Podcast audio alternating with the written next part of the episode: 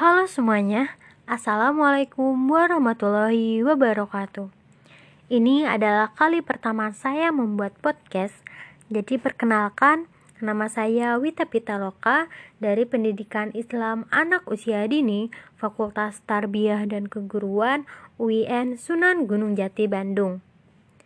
Saya bertempat tinggal di salah satu wilayah Kabupaten Bandung, tepatnya di Majalaya. Di Majalaya, sekarang sedang musim hujan. Ketika musim hujan seperti ini, udara menjadi sangat dingin.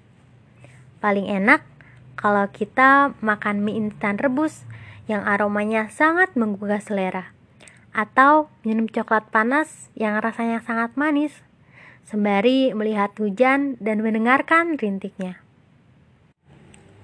Ngomong-ngomong soal itu, Pernah nggak sih kalian bertanya-tanya, bagaimana caranya tubuh bisa merasakan dingin ketika musim hujan? Bisa menghirup aroma mie instan yang sangat menggugah selera, merasakan manisnya coklat panas, melihat hujan, dan mendengarkan rintiknya. Semua itu bisa terjadi karena kita mempunyai lima macam panca indera. Yang pertama adalah indera peraba. Alat inderanya adalah kulit. Kulit mampu menerima sebuah rangsangan temperatur suhu, sentuhan, tekanan, tekstur, bahkan rasa sakit.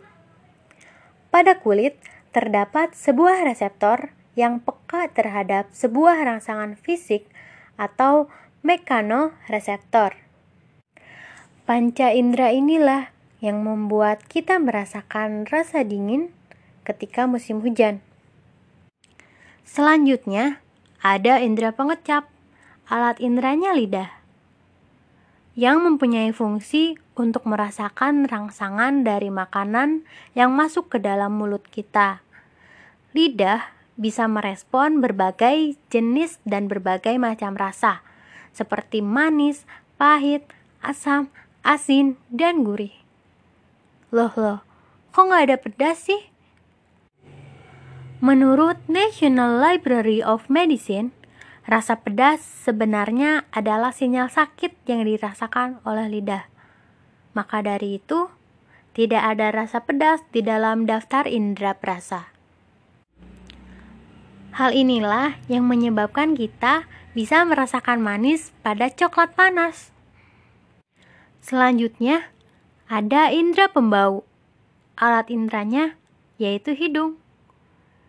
Hidung kita gunakan untuk mengenali suatu lingkungan sekitar atau sesuatu dari aroma yang dihasilkan.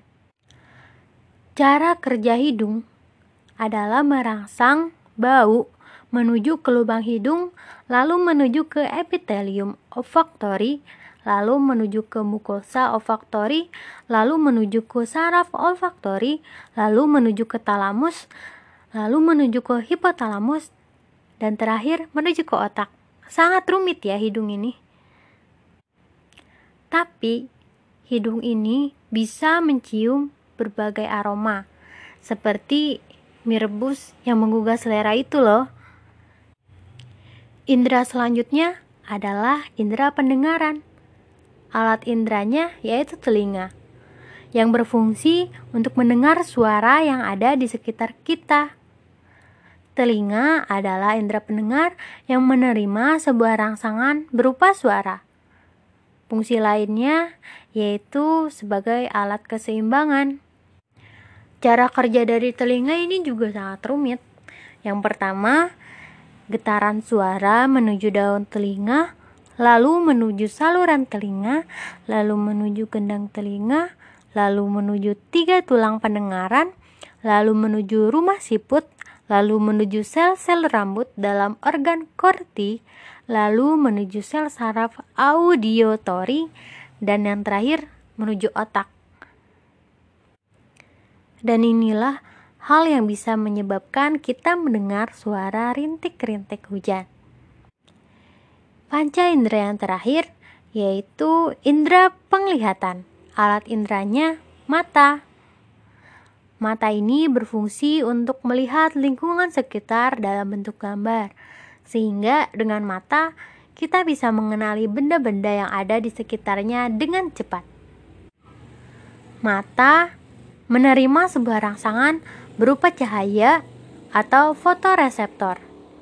Mata tersusun dari alat tambahan mata, bola mata, otot bola mata, dan saraf optik 2.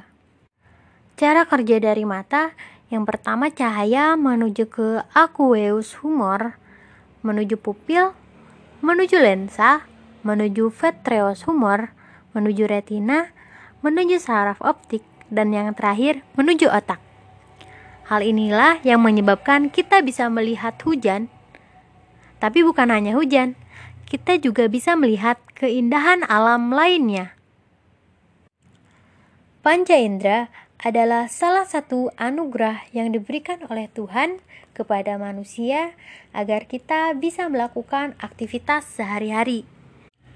Oleh karena itu, kita juga harus bersyukur atas panca indera yang diberikan oleh Tuhan. Namun, tidak hanya bersyukur, tapi kita juga harus memanfaatkan dan menggunakan panca indera ini dengan sebaik-baiknya. Jangan sampai disalahgunakan ya. Sepertinya itu aja ya. Semoga apa yang saya sampaikan dapat bermanfaat untuk kalian semua.